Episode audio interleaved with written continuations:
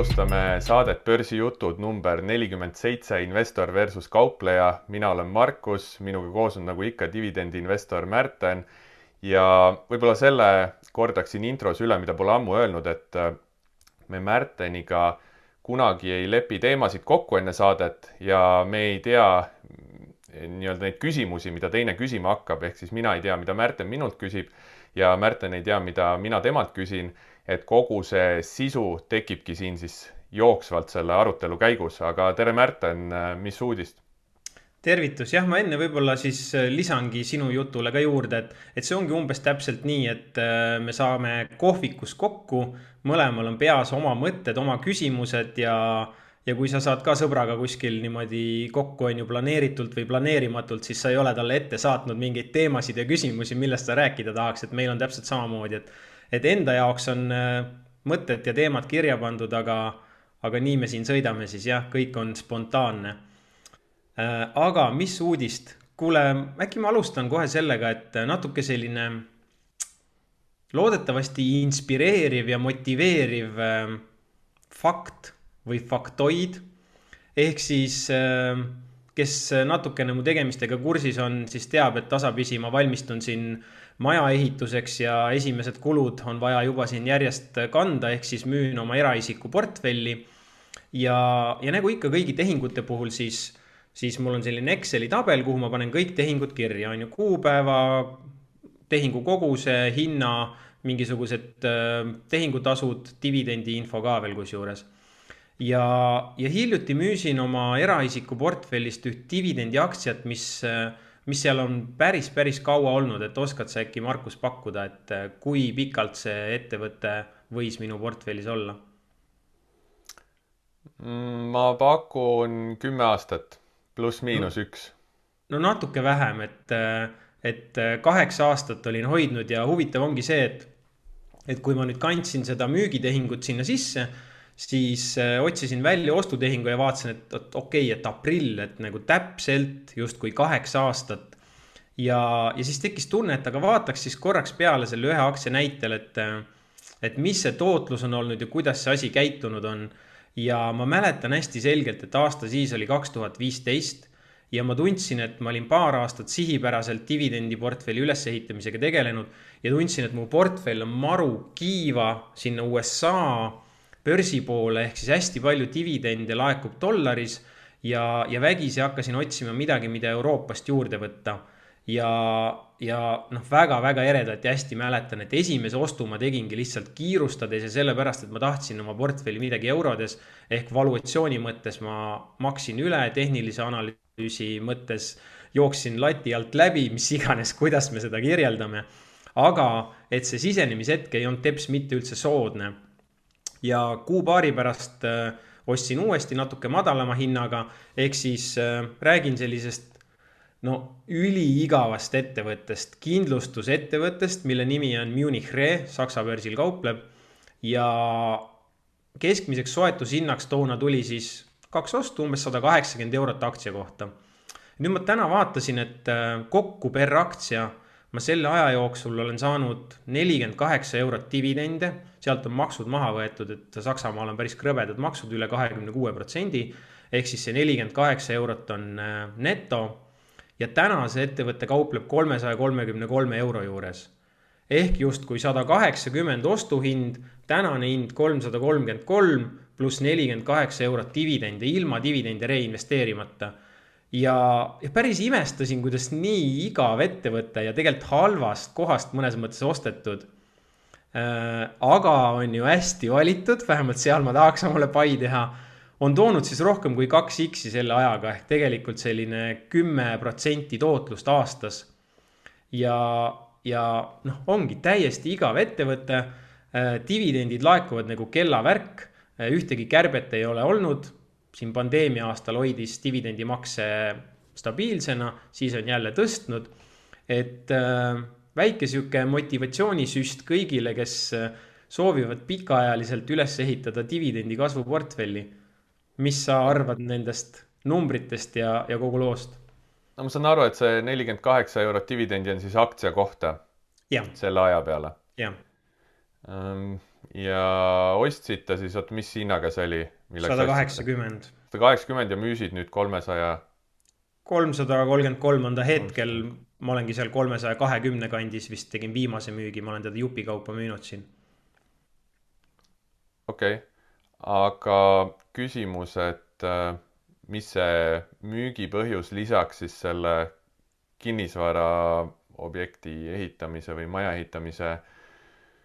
põhjuse kõrval veel on, et kas see oli ainult see olegi. põhjus või? see on ainult see põhjus jah. et noh, ma tegelikult pean nagu tunnistama, et ma valmistasin ennast vaimselt nagu mitu kuud ette, on ju, ma kogu aeg tegin neid nimekirju, et mis järjestuses ma mida müün.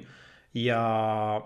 ja noh, üks aspekt oli alati see, et ma ei taha müüa midagi, mis täna on justkui alahinnatud või, või mis on siin karuturgu kogenud ja, ja pigem siis müün ära midagi, mis, mis on valuatsiooni mõttes võib-olla kriipsu võrra kallis või, või õiglase väärtuse lähedal ja ei ole seda, seda korrektsiooni siin nii, nii sügavalt sisse saanud. et võib-olla see valikukriteerium üks oli siis see ka. okei okay,, ühesõnaga sa võrdlesid oma portfellis olevaid dividendiaktsiaid ja leidsid, et see on piisavalt tootlust toonud ja hetkel ei ole kuidagi alahinnatud, et võiks temast väljuda, et võiks olla hea müügikoht? ja et kui vaja midagi müüa, on ju, ja otseselt eelistust ei ole nagu fundamentaalide või finantside osas, siis ma valisin selle valuatsiooni poole jah, ja, ja selle hetke noh, nagu ma ei tea, tehnilist analüüsi ütleks, on ju, aga hetke niisuguse pildi, on ju aga ilmselt sa mõtlesid korraks ka selle ettevõtte enda peale, et, et see ei olnud siis selline ettevõte, mida sa väga tahaksid oma portfellis hoida ka mingitel fundamentaalsetel põhjustel? no ei saa öelda, et tegelikult nagu veits ma pean ikka ütlema, et süda jookseb äh, verd, et äh, mulle see väga meeldis, ta oli päris, päris suur positsioon äh, minu jaoks ja, ja natukene on teda veel alles. Mm, ja noh, see põhjus on lihtsalt see, et, et kogu see kraam, mis mul on LHV eraisiku kontol, see varem või hiljem läheb müüki, on ju, et, et ma ei saa seal väga palju vingerdada. ma pean lihtsalt valikuid tegema, et mida ma millal müün. kui palju sa ajastad neid müüke? no sellest me praegu räägimegi, on ju, et ma püüangi ajastada, et ma alustasin nendest, mis pigem ei ole siis selle karuturu käigus pihta saanud või on hästi taastunud, on ju ähm,. ma ja. mõtlen tehnilise analüüsi põhjal, kas sa ka kuidagi vaatad hinnagraafikut, et äh, millal see nupule vajutus teha, et müük? ma veidi vaatasin jah, ma veidi vaatasin siin mingit hinna ja RSI divergentsi näiteks ja ja, ja kui te vaatate seda Munich Re graafikut, siis te näete, et ta siin toksis oma kõikide aegade kõrgtasemeid ja siis korraks mulle nagu tundus, et et kui ta ei suuda sealt läbi minna ja, ja võib-olla pöörab siin otsa alla, on ju, et paneks kuhugi nagu stopi sisse et ühe müügi ma tegingi siis äh, nii-öelda nagu stopi tasemelt, stoppi mul faktiliselt sees ei olnud LHV-s, aga, aga ise siis jälgisin, on ju, ja vaatasin, kui hind jõudis sinna, siis müüsin ühe tüki maha jälle. Aga vaata, siin on nüüd hea tuua kõrvale see aktiivne portfellihaldus, kus äh, portfell liigub tihti suurelt rahasse ja tagasi aktsiatesse ja jälle tagasi rahasse, et mul ei teki ilmselt väga selliseid olukordi, kus ma pean mingi muu kulu pärast midagi müüma vaid kuna mu portfell käib pidevalt läbi raha, siis seal rahas olles ma saan juba selle plaani teha, et kui nüüd tagasi aktsiatesse lähen, et kui suurelt ma seda riski võtan ja kapitali allokeerin vastavalt sellele, kui palju mul on vaja see hetk äh, raha portfellist välja võtta. mõnes mõttes jah, aga samas, kui me oleme näiteks äh, selges tõusutrendis, siis ma mäletan paari aasta tagusest ajast, kus sina olid ka ikkagi no praktiliselt täies ulatuses investeeritud ju. jah, et sul osad positsioonid roteeruvad kiiremini, et sul on lihtsam justkui siis seda raha kätte saada, ilma et sa peaks otsustama, mida sa müüd, on ju, aga aga ega sul ju kogu aeg rahajääki ei ole läbi erinevate tsüklite ei, kogu aeg ei ole jah, et kui seal võib-olla paar aastat tagasi mingi hetk olingi sada kolmkümmend protsenti investeeritud, mis tähendab, et võim, võimendus on ka lahti, siis, siis tõesti, aga noh, mingil määral võib-olla, kui ma vaatan väga mingeid pikaajalisi trende, jah, isegi kui ma praegu hakkan selle peale mõtlema, et, et kui mul oleks olnud äh, kaks tuhat kakskümmend üks lõpus vaja äh, vaba raha rohkem, et, et kas ma oleks pigem müünud seda kolmsada protsenti tõusnud äh, Nvidia positsiooni või, või midagi, mis ei ole veel tõusnud äh, justkui ei ole võitja veel, noh, ma ei teagi, see on jah, täitsa huvitav äh, mõttekoht, et äh, et kas siis võtta seda, mis on juba sõidu teinud või mitte, et noh, teooria ütleb seda, et võitjaid tahaks hoida ja, ja kaotajaid maha võtta, aga aga jah, mul ei ole otseselt sellist olukorda vist tekkinud, et, et. ainus erisus, ainus erisus selles osas ongi see, et, et ma tean, et ma pean selle konto enam-vähem tühjaks müüma, on ju. et siis need fundamentaalid pole väga olulised. Kõik nad laias laastus lähevad sealt ära ja nüüd ongi ainult ajastuse küsimus, on ju, et ja jällegi, et ma ei müü nagu ühes tükis maha, et, et seda konkreetset aktsiat ma olen müünud juba kolmes jupis ja, ja eks ma siin jupitan teda tõenäoliselt veidi veel. et praegu sai jälle hoo sisse, et las ta siis, las ta siis sõidab kuni järgmise sisearhitekti või, või maja projekteerija arveni, on ju no okei okay,, no eks me saame siis siin jooksvalt järgnevates saadetes äh, näha, kuidas sul süda verd tilgub, kui sa järjest neid positsioone likvideerid. aga võib-olla võtan siis siit edasi natuke seotud teema, et ma mõtlesin sult, sulle näidata siin ühte mõtet, kuidas läbi optsioonide võib-olla siseneda mingitesse dividendiaktsia äh, positsioonidesse ja, ja mida sa sellisest äh, tehnikast arvad, et pigem siis äh, jutt käib dividendiaktsiatesse sisenemisest, mitte väljumisest, aga ma jagan ühte graafikut ja pilti ja ma tegelikult tahtsin seda juba eelmine saade jagada, nii et see vasakpoolne graafik ja pilt siin kahekümne teise märtsi seisuga on see, mis ma eelmiseks saateks ette valmistasin ja ja täna hommikul siis võtsin lihtsalt eileõhtuse seisuga, kaheteist aprilli olukorra siia paremale kõrvale mm. -hmm. ja miks ma Fordi aktsia võtsin näiteks lihtsalt sellepärast, et äh, esiteks Ford on selline tuntud suur likviidne ettevõte, aga tal on madal aktsia hind siin kaheteist dollari kandis kaupleb ja kuna ühe opt-, üks optsioonileping koosneb sajast aktsiast, on ju, et siis see optsioonileping on ka nagu madalama hinnaga, et saab väiksema summaga midagi testida, midagi proovida ja samas äh, siis Ford maksab ka omajagu dividendi, aga see mõte mul oli siin selles, et, et ma võtsin tegelikult eelmise saate jaoks siis välja kõigepealt selle päevagraafiku, kus ma tõmbasin siis sellise äh, toetustaseme kümme koma kakskümmend viis dollari peale ja vastupanutaseme sinna neljateist dollari alla, kus äh, siis põhilise aja viimane aasta aega Fordi aktsia on külgsuunas liikunud üles-alla kauplemisvahemikus ja siia alla võtsin siis äh, kolme kuu, kolm kuud välja optsiooni hinna, see on siis kuueteist, kuusteist juuni kaks tuhat kakskümmend kolm aeguvad optsioonid, mis mis siis kolm nädalat tagasi oli kolm kuud aega, täna on kaks kuud aega, aga jätsin siis siin paremal needsamad eh, kuueteistkümnenda juuni optsioonid ja nende hinnad, et, et näha ka, kuidas võrdluses siis eh, peale kolme nädalat hinnaliikumist need optsioonide mm, väärtused on muutunud. Ja siin on siis see, et vasakul on call optsioonid, paremal on put optsioonid, on ju, ja need esime-, vasakult esimesed kaks tulpa on siis need olulisemad bid ja ask mm -hmm. hind, on ju et ühega, millega tahetakse osta, bid hind ja ask hind, mida siis müüjad küsivad, et, et müüa seda optsiooni. ja minu see mõte oli siis siin see, et, et oletame, et äh, kui ma tahaks Fordiga omada oma portfellis, et siis, kui ta kukub siia kümne dollari kohale, mis on äh, pidanud toetustasemena, et siis võiks müüa put optsiooni, see ei ole soovitus, see on nüüd täiesti niisugune lihtsalt äh, informatiivne idee, mida, mida ma oma peas äh, keerutan. Et kui ma müüksin siin kümne juurde kukkudes toetustasemel put optsiooni, hinna langedes tavaliselt ka volatiilsus tõuseb, optsioonid lähevad kallimaks, neid on parem müüa. ja, ja mis riski ma võtan, ma võtan riski selle, et kui see hind jätkab kukkumist, kukub sellest kümnest läbi äh,, siis oletame, et hind kukub üheksa dollari peale, optsioon aegub, ma pean need üheksa dollarit väärt aktsiad ostma kümne dollariga äh,, kuhu, kuhu ma müüsin selle put'i aga kui see hind sinna ei jõua või, või põrkab ja läheb teises suunas, siis ma saan selle preemia, mille ma optsioonimüügist sain, saan endale jätta, on ju. ja siis mm, -hmm. ja siis, kui ma selle put'iga peaks need äh, assignment'i saama, ehk siis need sada aktsiat, Fordi aktsiat oma portfelli, siis ma saan hakata äh, vastupanu taseme all neid call'e müüma, on ju, et kui ma müün sinna neljateist dollari alla põrgates, müün selle call optsiooni, võtan riski, et ma pean needsamad aktsiad siis äh, ära müüma Mhm. neljateist dollariga, juhul kui hind tõuseb, aga kui hind sealt läbi ei tõuse, ei aegu seal, siis ma saan nagu ka sellest call optsiooni müügist preemia endale jätta. et, et ühesõnaga panustada sellele, et hind väga kuhugi ei liigu, kukkudes müün put-optsioone, saan preemiat, tõustes müün call-optsioone, saan preemiat, aga võtan siis seda riski, et, et put, putiga võtan kohustuse neid aktsiaid siis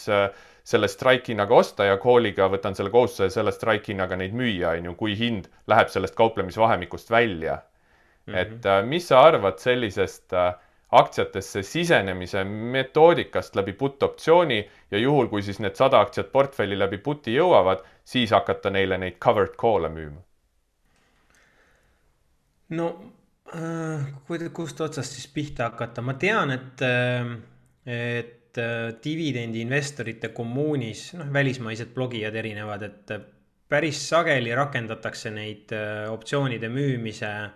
taktikaid ja, ja eks meie mõned omad kodumaised investorid samamoodi.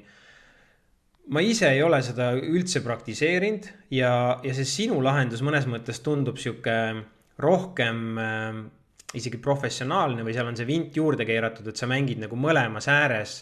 justkui nii putte kui koole müües, siis kui sul on äh, aktsiad juba portfellis on ju, ehk siis need covered call'id mm -hmm.. noh, tundub nagu äge kui ma mõtlen täna jälle iseenda peale, siis äh, minu jaoks on liiga palju tööd ja liiga palju sellist jälgimist ja no eks ta vajab õppimist ka, on ju, et kui üldse optsioonidest midagi ei tea, siis eks ta vajab õppimist. ja, ja kindlasti timmimist ka selles osas, et, et missuguse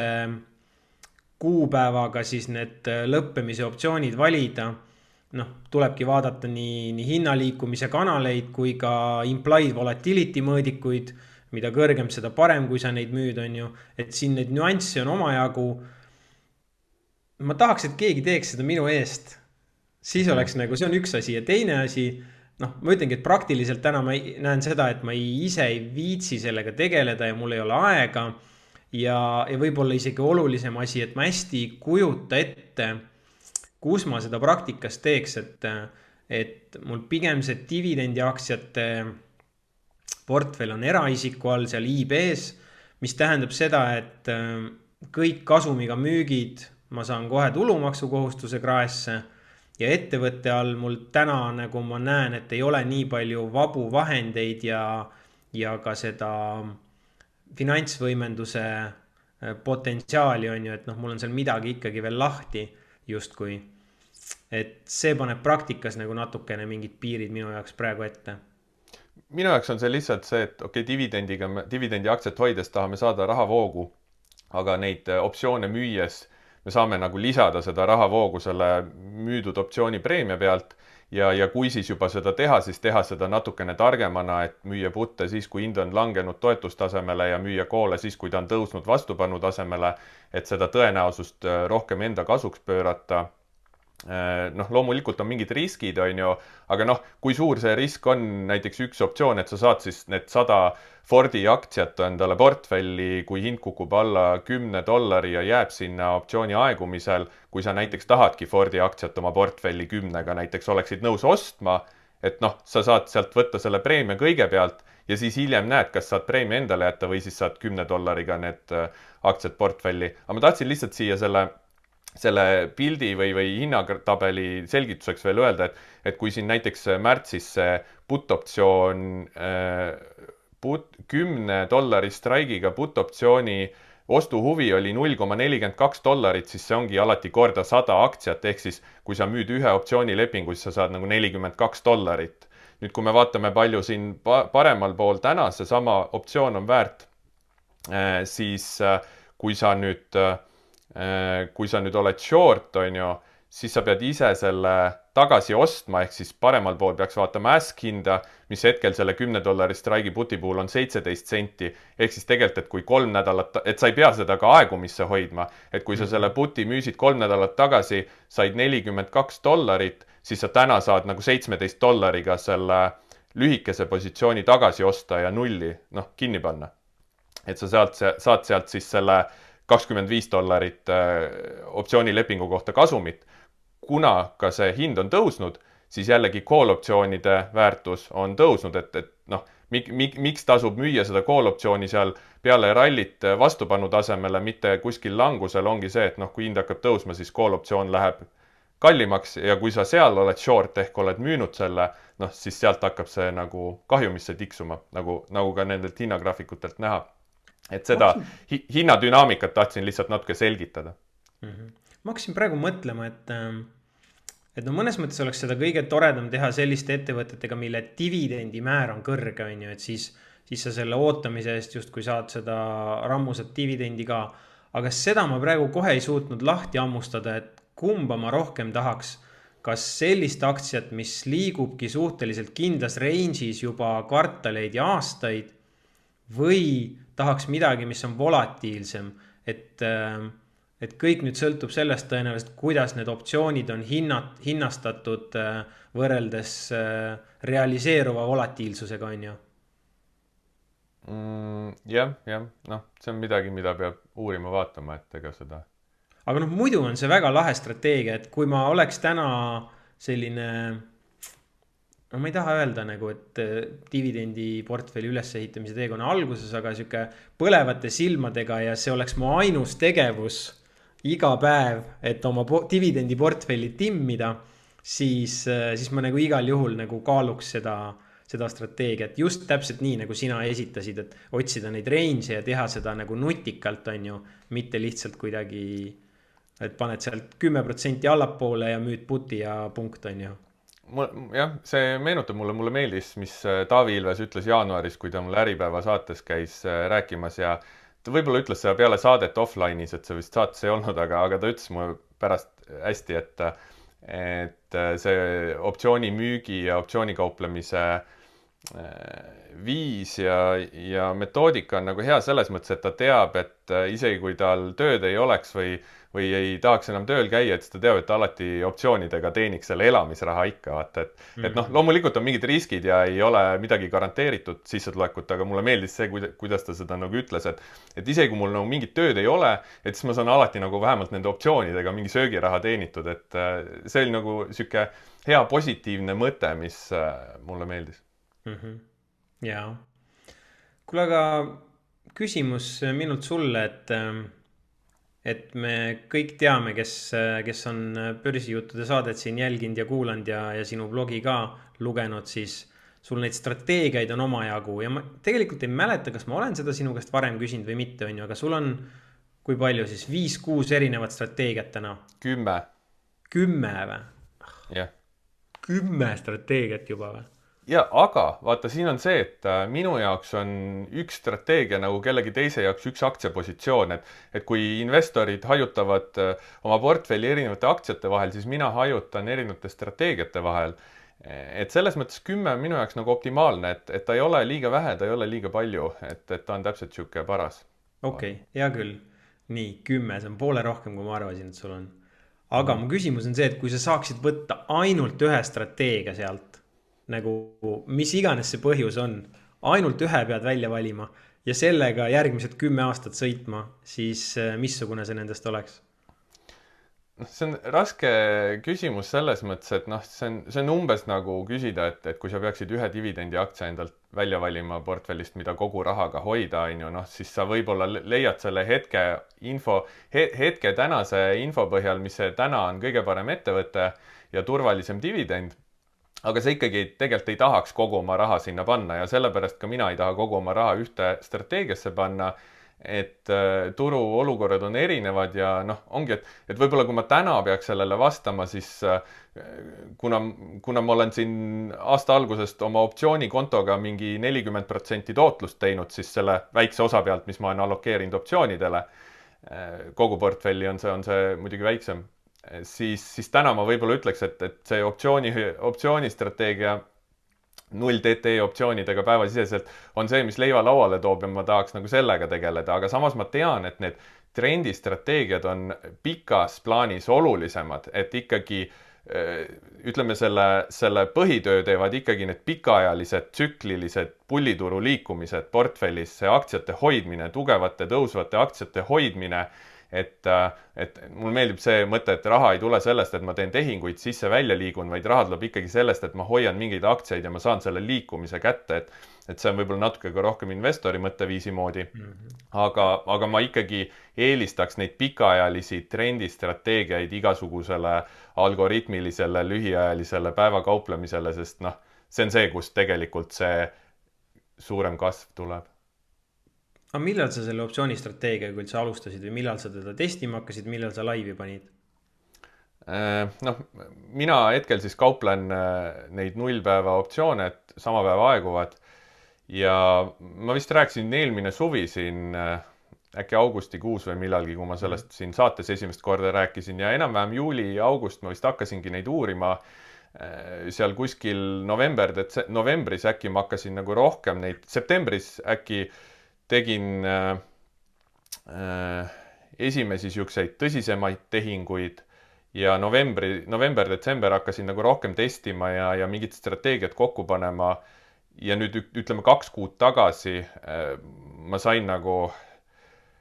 sellise konkreetse strateegia peale, millel on nagu mingi matemaatiline valem ja loogika taga ja ma vaatasingi, et ma olen, olen viimase paari kuuga tegelikult selle enamuse tulemusest teinud, et mingi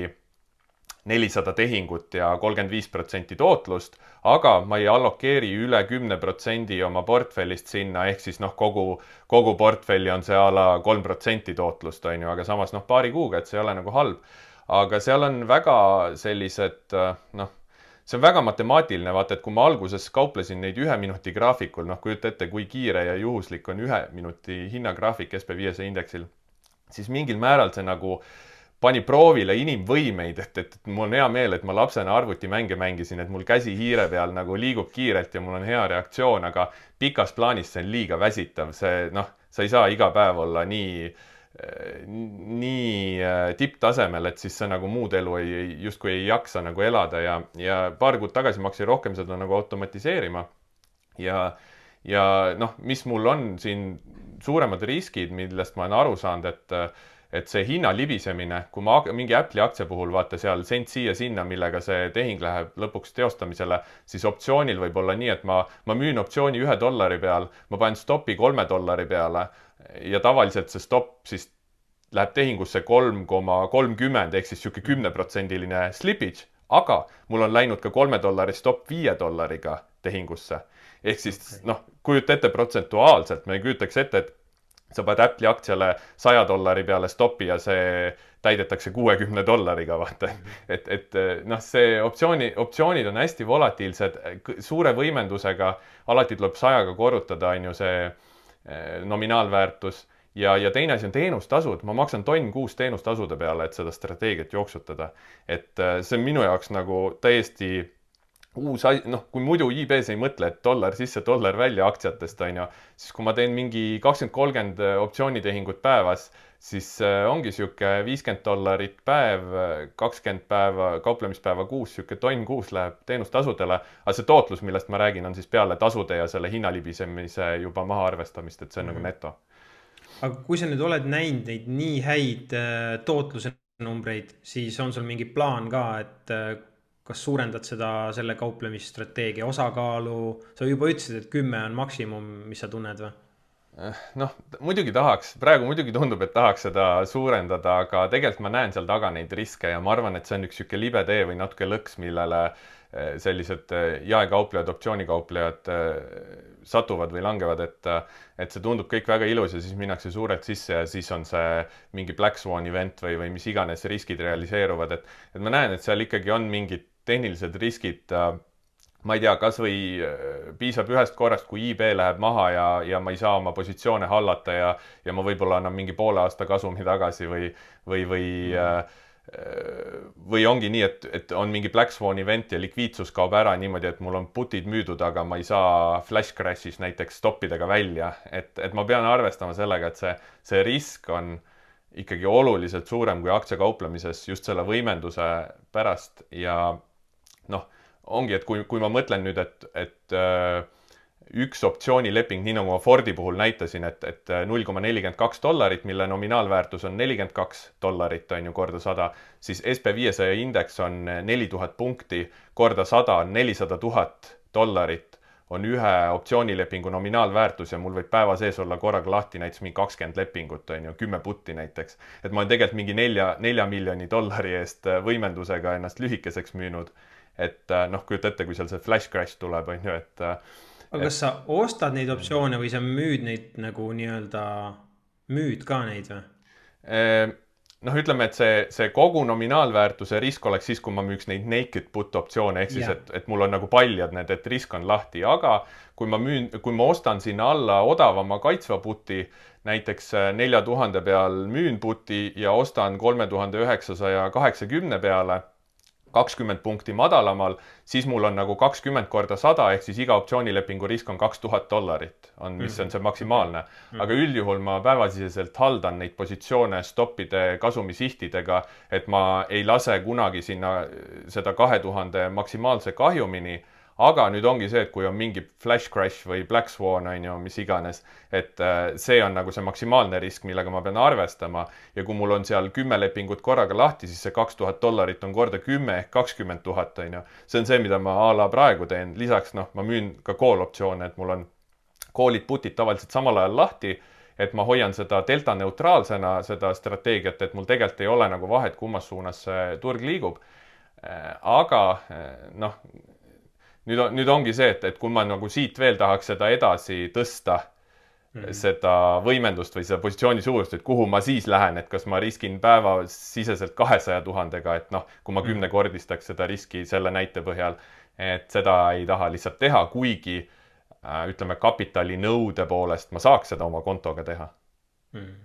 aga see risk läheb liiga suureks, sest et optsioonid on lihtsalt nii, nii suure võimendusega, et, et sellepärast tegelikult ma tahan siia lõppu öelda seda, et keegi, kes alustab või tunneb huvi optsioonide vastu, ma absoluutselt ei soovita alustada nendest nullpäeva optsioonidest, et, et äh, kindlasti pigem äh, vaataks kõigepealt seda Fordi näitel mm -hmm. strateegiat ja mõtleks selliste kolme kuu optsioonide peale, mitte nende ühe päeva omade peale, need on üli, üli volatiilsed ja riskantsed tahaks äh, järgmisel aastal, ehk siis kui see aasta läbi saab, äh, jutuks võtta siis selle sinu optsioonistrateegia tulemuslikkuse ka.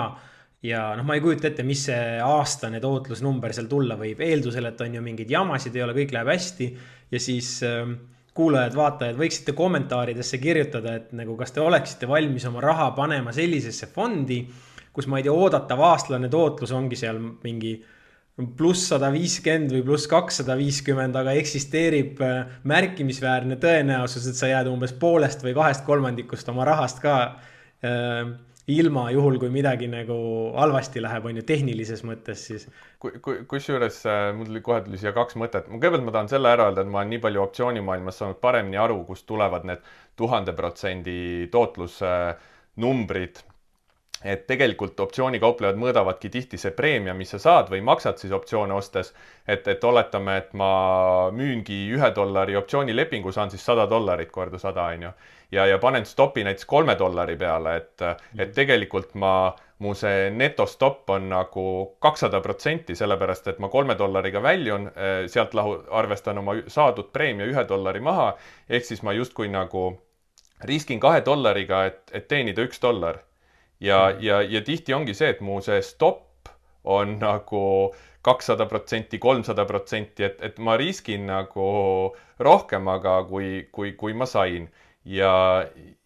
ja noh, sealt tuleb ka see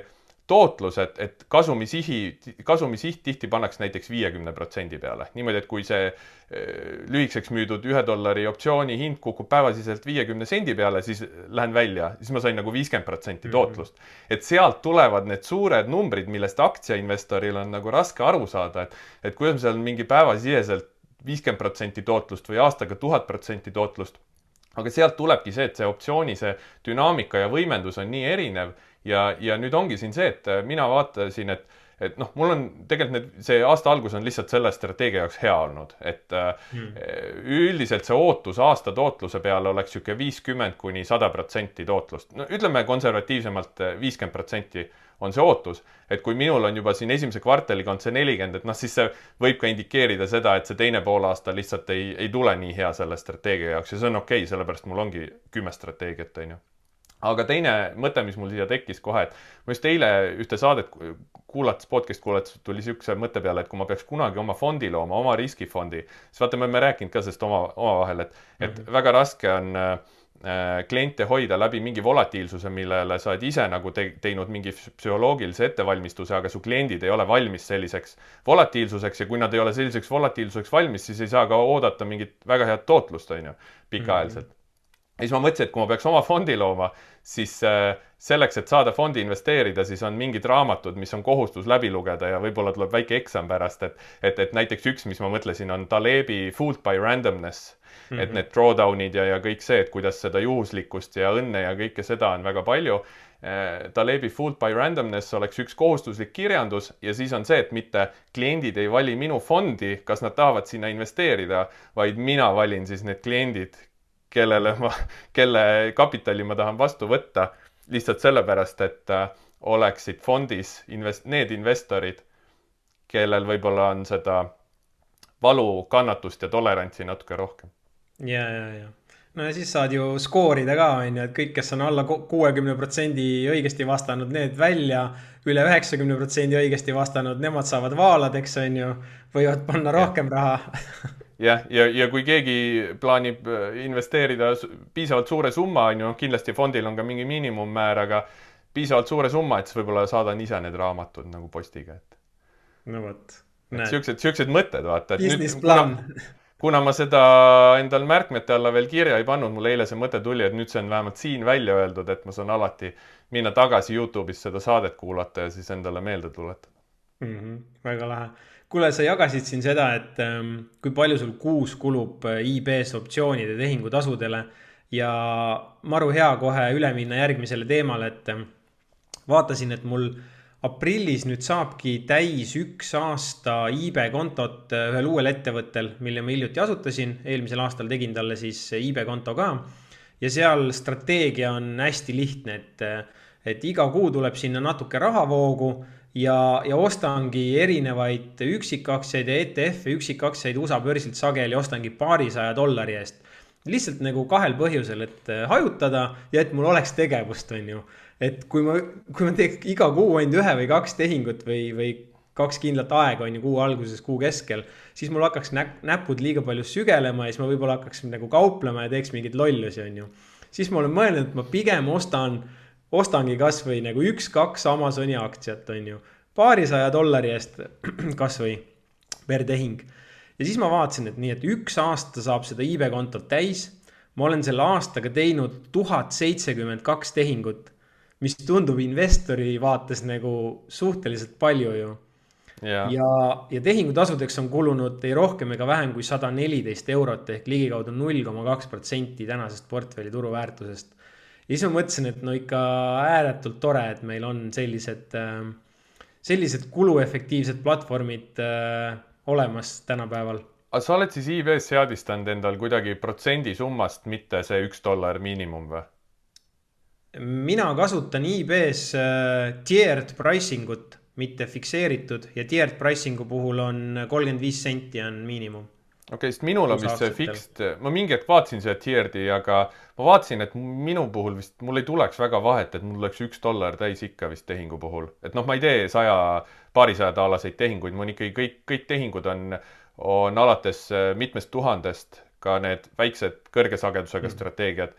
et äh, et sellepärast minul, ma ei näinud nagu seal, kasu. seal on neil kuidagi regresseeruv äh, see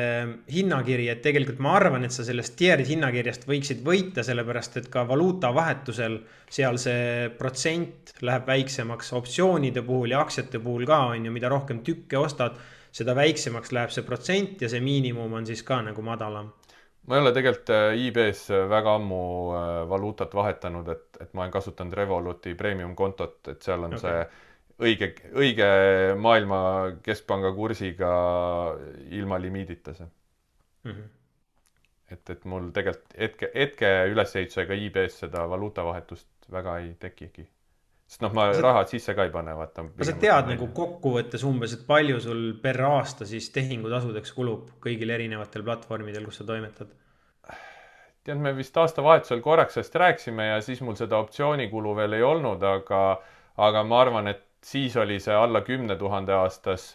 ja nüüd, kui tuleb niisugune kaksteist tuhat aastas optsioonide pealt juurde, noh, niisugune alla paarikümne tuhande kuni paarkümmend tuhat aastas võib-olla läheb teenustasudele. Päris krõbe ikka ju. no jaa, aga noh, vaata, ma nagu võtangi seda suuresti niisugune online ettevõtlusena või näiteks kui ma mhm. mõtlen oma selle optsioonistrateegia puhul, siis kellegagi just hiljuti rääkisin sellest, et äh, see tundub mulle hetkel rohkem IT-alane tegevus kui mhm. finantsalane mm. -hmm et vaata aktsiatest rääkides trendistrateegiad, mingid sektorid, asjad, noh, me räägime tegelikult nagu aktsiatest, väärtpaberitest, finantsturust, me oleme rohkem nagu finantsi all, on ju, et see arvuti pool on mm -hmm. nagu väike osa. aga kui ma lähen sinna algoritmilisse maailma siis aina enam mulle tundub, et ma tegelen IT-ga, mitte finantsiga. okei okay.. see, mul tuli praegu see meelde, noh, delta neutraalne on optsioonimaailmas see, et ma ei vali suunda, vaid ma, ma mm -hmm. nii-öelda äh, müün, müün näiteks optsioone, et, et mul ei ole nagu, ma arvestan sellega, et turg võib mõlemas suunas liikuda ja kõige parem oleks, kui ta liiguks külgsuunas, mitte kuhugi Mm -hmm. ma olin just hiljuti sõbra juures saunas õhtul ja reede õhtul turg oli veel lahti ja, ja seal seltskonnas oli veel üks päevakaupleja ja siis tüübid hakkasid, ma telefonist korra vaatasin oma päevalõpu optsiooni asju, tüübid hakkasid seal kauplusest rääkima, siis noh, nagu ikka küsimus tekib, et noh, bearish, bullish, et kas turg tõuseb või langeb, onju. Ja siis ma ütlesin, et ma olen delta neutraalne ja siis see on nagu, et keegi ütles, et see kõlab nagu mingi transseksuaalne, et mida see üldse tähendab see oli suht naljakas see, et. jah et, et see on minu meelsus, turumeelsus täna, et ei ole bearish, ei ole bullish, olen delta neutraalne. no väga hea. vot, kuule, aga üks teema, mida Äripäeva saates ei jõudnud sinuga rääkida, oli see Nii. äh, tootlus versus sissetulekute kasvatamine, mida ma nägin, et sa vist Jekaterina Tindi saates või rääkisid sellest, kuigi ma nägin kuskil mingit pilti selle saate kohta, et, et, et te oleks justkui nagu ka mingid numbrid välja toonud, et äh, ei ole oluline, kas saad kuus või kümme protsenti tootlust versus see, et kas ettevõtluse või lisatööga tõstad oma sissetulekuid. ma sealt saatest päris mingeid täpseid numbreid nagu ei mäleta, et ma oleks kuulnud, aga võib-olla ise, ise tahad seda selgitada, et mis see, ma, ma saan aru, et te koos jõudsite nagu järeldusele, et olulisem on sissetulekuid suurendada kui see tootlus ja kui ma nagu oma kauplejana, nagu ma siin ka ütlesin, et, et tundub rohkem juba nagu IT-töö, mitte finants, siis ma ise mõtlen, et aga see, mida mina teen, see ongi nagu sissetulekute suurendamine, et see tundub nagu tootluse suurendamine, aga see on samal ajal ka nagu sissetuleku suurendamine. et selles mõttes lähen nagu rahatark, rahatarkuse jagajate by the book, et tõsta sissetulekuid, davai, ma kauplen optsioone või kuidas sulle see? nojah, see kaupleja maailm on võib-olla ma isegi ei oska sind nagu kuhugi sinna liigitada või, või noh, kui me mõtleme mingisugust sellist kauplejat, kes võib-olla alustab ja mõtleb, et ta paneb kas tuhat või kümme tuhat või kakskümmend viis tuhat omale kauplemiskontole ja siis mõõdame seda, et kui palju tunde ta kulutab versus kui palju ta siis saab, on ju, et siis me võib-olla saaksime rääkida sellest paremini, see, see sissetulekute suurendamine versus aja panustamine tootluse timmimisele. aga investeerimise valdkonnas on minu arust ikka suhteliselt lihtne, et noh, me ei rääkinud seal saates mingitest numbritest, mina ka ei mäleta, aga, aga noh, näiteks kui me ütleme, et, et su portfell on kümme tuhat. Võtame selle keskmise aktsiaturgude tootluse, sihukese optimistlikuma otsa kümme protsenti, see teeb aastas juurdekasvu siis tuhat, on ju. nüüd, kui sa suudad selle mingi imeväel selle kümneprotsendise tootluse asemel saada kakskümmend, siis sa teenid aastaga lisaks tuhat äh, eurot või dollarit. nüüd küsimus ongi, et kui palju sa sinna aega panustasid, kui sa iga õhtu istud kaks tundi ja ma ei tea, üheksast üheteistkümneni vaatad USA turge ja aktiivselt toimetad seal või analüüsid mõnda ettevõtet, mida oma portfelli lisada, siis ma julgen nagu selgelt öelda, et see ei ole nagu hästi efektiivselt kulutatud aeg. kui sulle meeldib ja see on hobi, on ju, siis see on teine asi või sa soovid kuidagi õppida ja areneda selles vallas. aga kui su ainus eesmärk on portfelli võimalikult kiiresti kasvatada, siis ma arvan, et, et iga õhtu kaks tundi mingi side hustle'i peale panna ja lisaraha teenida, toob su portfellile kiirema kasvu, on ju, ja, ja mulle endale tundub, ma kunagi tegin neid arvutusi nagu pigem investori valgusest, valguses ja mitte kaupleja valguses, kus need võib-olla need tootluse vahemikud on siis nagu natuke suured, et kui palju sa sinna vinti suudad peale keerata, ma arvan, et investori puhul see küsimus ongi selles, et kas sa suudad kakskümmend välja pigistada pikaajaliselt või mitte, on ju, võib-olla realistlikum on seal tegelikult kümne asemel või kaheksakümne asemel sihuke viisteist, kuusteist, siis noh, ikkagi pool milli kuni miljon portfell, siis sealt nagu mingit nagu, need asjad hakkavad tasakaalustama, tasakaalustuma, et selgelt muidugi sõltub sellest, kui palju sa siis paned aega oma investeeringutega tegelemiseks ja mis on sinu, ma ei tea, tunnihind või, või, või mingi võimekus asju ettevõtjana skaleerida ja sealt teenida, on ju. jah, ma olen tegelikult, ma olen täiesti nõus ja see on minu meelest nagu kauplemise ja kauplemise vahe, et kas sa alustad tuhandega või sul on juba ettevõtlusest või, või säästudest mingi sada, kakssada tuhat rohkem, millega hakata kauplema, et väga raske on selle tuhandega kiiresti kuhugi liikuda ilma äh, võtmata siis sellist riski, mis, millega suure tõenäosusega ka sellest tuhandest ilma jääd, on ju. Hmm. et, äh, et kui me niisugune tuhande või kümne tuhandega peaks nagu alustama ja tahaks selle, sellega jõuda miljonini mingi mõne aastaga kaup, kaubeldes, et noh, sa peadki võtma sellist ülikõrge võimendusega riski näiteks optsioonides on ju, kui täna selles maailmas tegelen, siis ma näen, et et teoorias võib-olla optsioonidega on see võimalus, aga seal on, ma arvan, suur õnnefaktor taga, et et näiteks mingite odavaid call optsioone ostes mingitel meemiaktsiatel, asjadel, et kas sa siis satud sellele eufoorilisele pulliturule tõusule, et sa saad mm. sealt mingit, mingit äh, mingi mulliga nagu selle, selle järsu tõusu kätte või noh, sa pead nagu võtma mingit täiesti teistsugust riski versus siis, et sa selle tuhandega, ma ei tea, paned ta indeksisse ära ja tegeled hoopis mingite muude asjadega edasi. aga ka sellisel juhul sa pead kogu aeg raha juurde panema, sest et see, et sa selle tonni panid ETF-i indeksisse, noh, sellest ka nagu üksi on nagu väga vähe, on ju. et äh, igal juhul on vaja seda äh, aktiivset tegevust, aga kui ma siin nagu mõtlen, et noh, mõni võib-olla, kes väga täpselt ei tea, mida ma teen, kuuleb lihtsalt, et ma kauplen, siis ütleb ka, et oh, et mis sa siin püüad seda tulevikku ennustada, et pane lihtsalt raha indeksisse, et sul tuleb tulemus parem. ja siis minu jaoks on, kuna kauplemisäri on minu jaoks niisugune väike ettevõtlus, siis siis minul on nagu raske seda mõista, sellepärast et noh, ma ei ütle sulle, et kuule, Märten, mis sa sellest ma-, Maaginvesti ettevõttest teed, pane see raha parem indeksisse, vaat sa mõtled mm. nagu, et lollaks või et need on kaks erinevat asja. ja, ja mina, mida rohkem ma lähen nagu sellele lühemaajalisemale ja algoritmilisele kauplemisele, mis sõltub palju IT-st, seda rohkem tundub mulle, et noh, need on nagu kaks erinevat asja, et riskid on erinevad ja mm., ja ka tootlusootused on erinevad et sealt tuleb see erinevus, aga, aga jah, mina, ma olen sinu selle mõttega, ma olen täiesti nõus, aga raske on sellist ühest vastust anda, et see sõltubki kõik sellest, et palju on kapitali, millist elu elad, kus elad, mis on kulud, kohustused, kas on ülal mida sa saavutada tahad, on ju, et mis on sinu yeah. jaoks nagu oluline, kas see portfelli kiire kasv või, või see ongi hobi, on ju hindad tasakaalus elu, et siis jälle ei, ei pane hambad ristis, ei teeni igal vabal hetkel nagu lisaraha, ei tee lisatööd, et kõik on väga no, suhteline. teine variant on ju see, et kui käid tööl ja näiteks iga kuu suudad panna tuhat eurot kõrvale, et kas siis iga kuu paned selle tuhande indeksisse või iga kuu võtad tuhandega optsioonides riski, et sa mm. kümnekordistad selle raha versus sa jääd kõigest ilma, et noh, vaata siin tekib natuke võib-olla sihuke gamble mentality ja, ja val-, noh, sihuke loto variant, aga mina olen sellest küll aru saanud, et kui ma peaks tahtma lotot mängida või, või kuskil kasiinos gamble ida, siis ma pigem läheks optsiooniturule, et äh, ma näen seal palju paremaid võimalusi võtta siis suurt riski nagu, nagu loteriis, aga, aga võib-olla noh tõenäosust on natuke rohkem kui kuskil ruletilaua taga. sa korraks mainisid seda noh, et teenidki mingit fikseeritud äh, tulu palgatöötajana, paned iga kuu tuhat kuhugi, on ju, muudkui regulaarselt või mis iganes see summa on. tead, ma olen viimastel päevadel mitu korda mõelnud, et, äh, et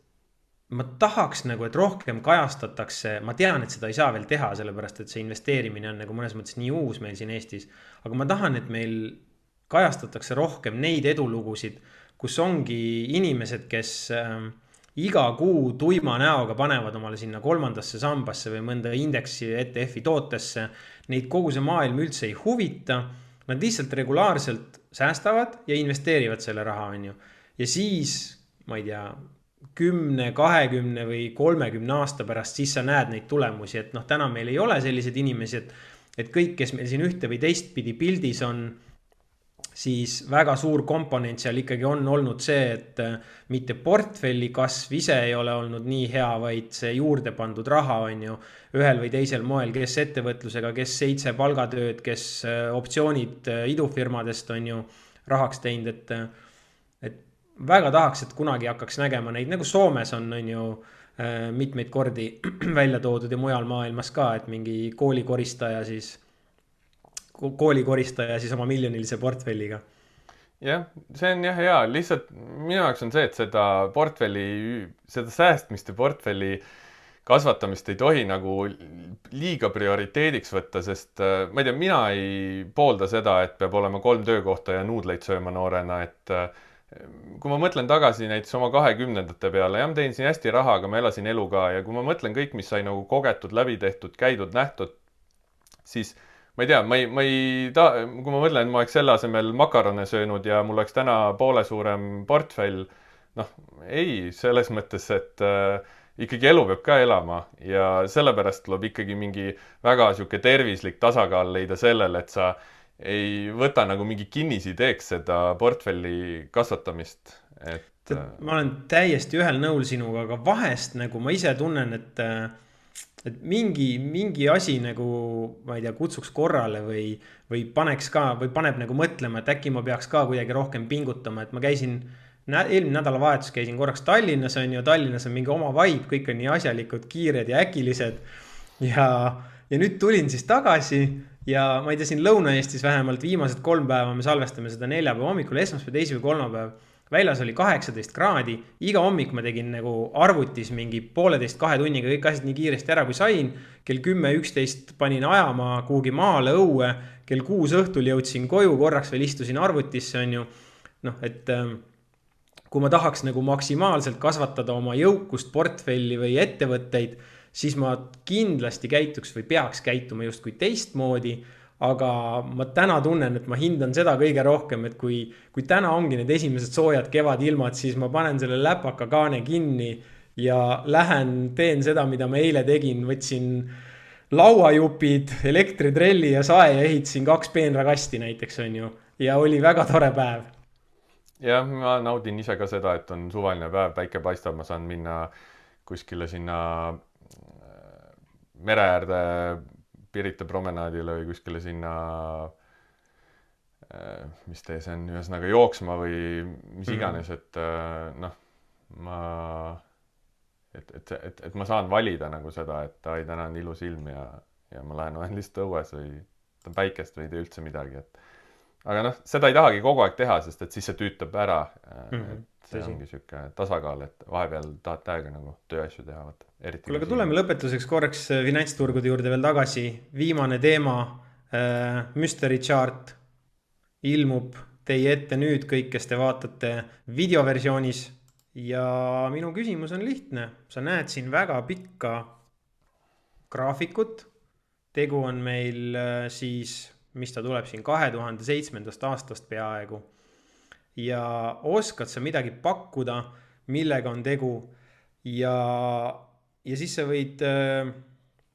võid öelda ka, et kas sa ostaks või müüks seda, seda asja. delta neutraalne. delta neutraalne äh, tead, äh, ma olen viimasel ajal püüdnud oma tööd sättida nii, et ma ei peaks väga graafikuid enam vaatama mm.. et need otsused ei oleks nii palju sellest graafikust sõltuvad äh, kui, kui muudest teguritest, aga noh, mis, mis nii-öelda graafik presenteerib neid äh, hinna liikumisel äh, sellegipoolest, aga, aga lihtsalt mitte nagu visuaalsel kujul siis, ütleme nii. aga kui ma nüüd seda vaatan, siis ega ma ei tea, mis instrument see on, et sa võid selle no, siis ma ütlen siis esimese vihje, et äh, ütlen esimese vihje sulle sa kasutad selle ettevõtte tooteid või teenuseid? kasutan selle ettevõtte tooteid või teenuseid, aga see, see ei ole siin kuidagi manipuleeritud, pööratud? see ei ole manipuleeritud, see on ühe ettevõtte aktsiahinna graafik mm,. ma saan aru, et see on siis, kas ma vaatan kaks tuhat kaheksa alates, ma ei tea, sa võid aja kokkuhoiu mõttes lihtsalt öelda, et see on äh, Interactive Brokersi graafik. okei okay., no ma ei oleks selle peale niimoodi tulnud, sest ma ei ole seda graafikut vaadanud. aga kuidas sulle ta tehniliselt tundub? noh, mul on siin ainult joongraafik on ju, mul ei ole siin midagi muud asjalikku, aga. tead, kui sa selle teemaks tood, siis ma vist mingi saade ütlesin, et ka, et ma ostsin paar aastat tagasi, ma ostsin endale ühe Interactive Brokersi aktsia oma iibe kontole lihtsalt selleks, et kui mingid corporate action'id ja mingid uudised tulevad, siis nad sõidavad mulle sinna notification ite alla, ehk siis ma olen oma selle põhilise maaklerfirma tegevuse ja olukorraga kursis mm. -hmm. ja noh, ma arvan, ma ostsin seda siin paar aastat tagasi, et see üks aktsia on mul hetkel siin mõnedollarises kasumis ilmselt. aga kui ma täna seda vaatan, siis noh, kui ma vaatan seda pikka pilti, et graafiku vasakust äärest paremasse äärde, siis ta on ju tõusev. ja noh, see, kuhu ta siit edasi läheb, ma arvan, et niikaua, kuni ta madalamaid siksakke ei tee ja on siin üle seitsmekümne dollari jämedalt, niikaua nagu midagi muretseda vist ei ole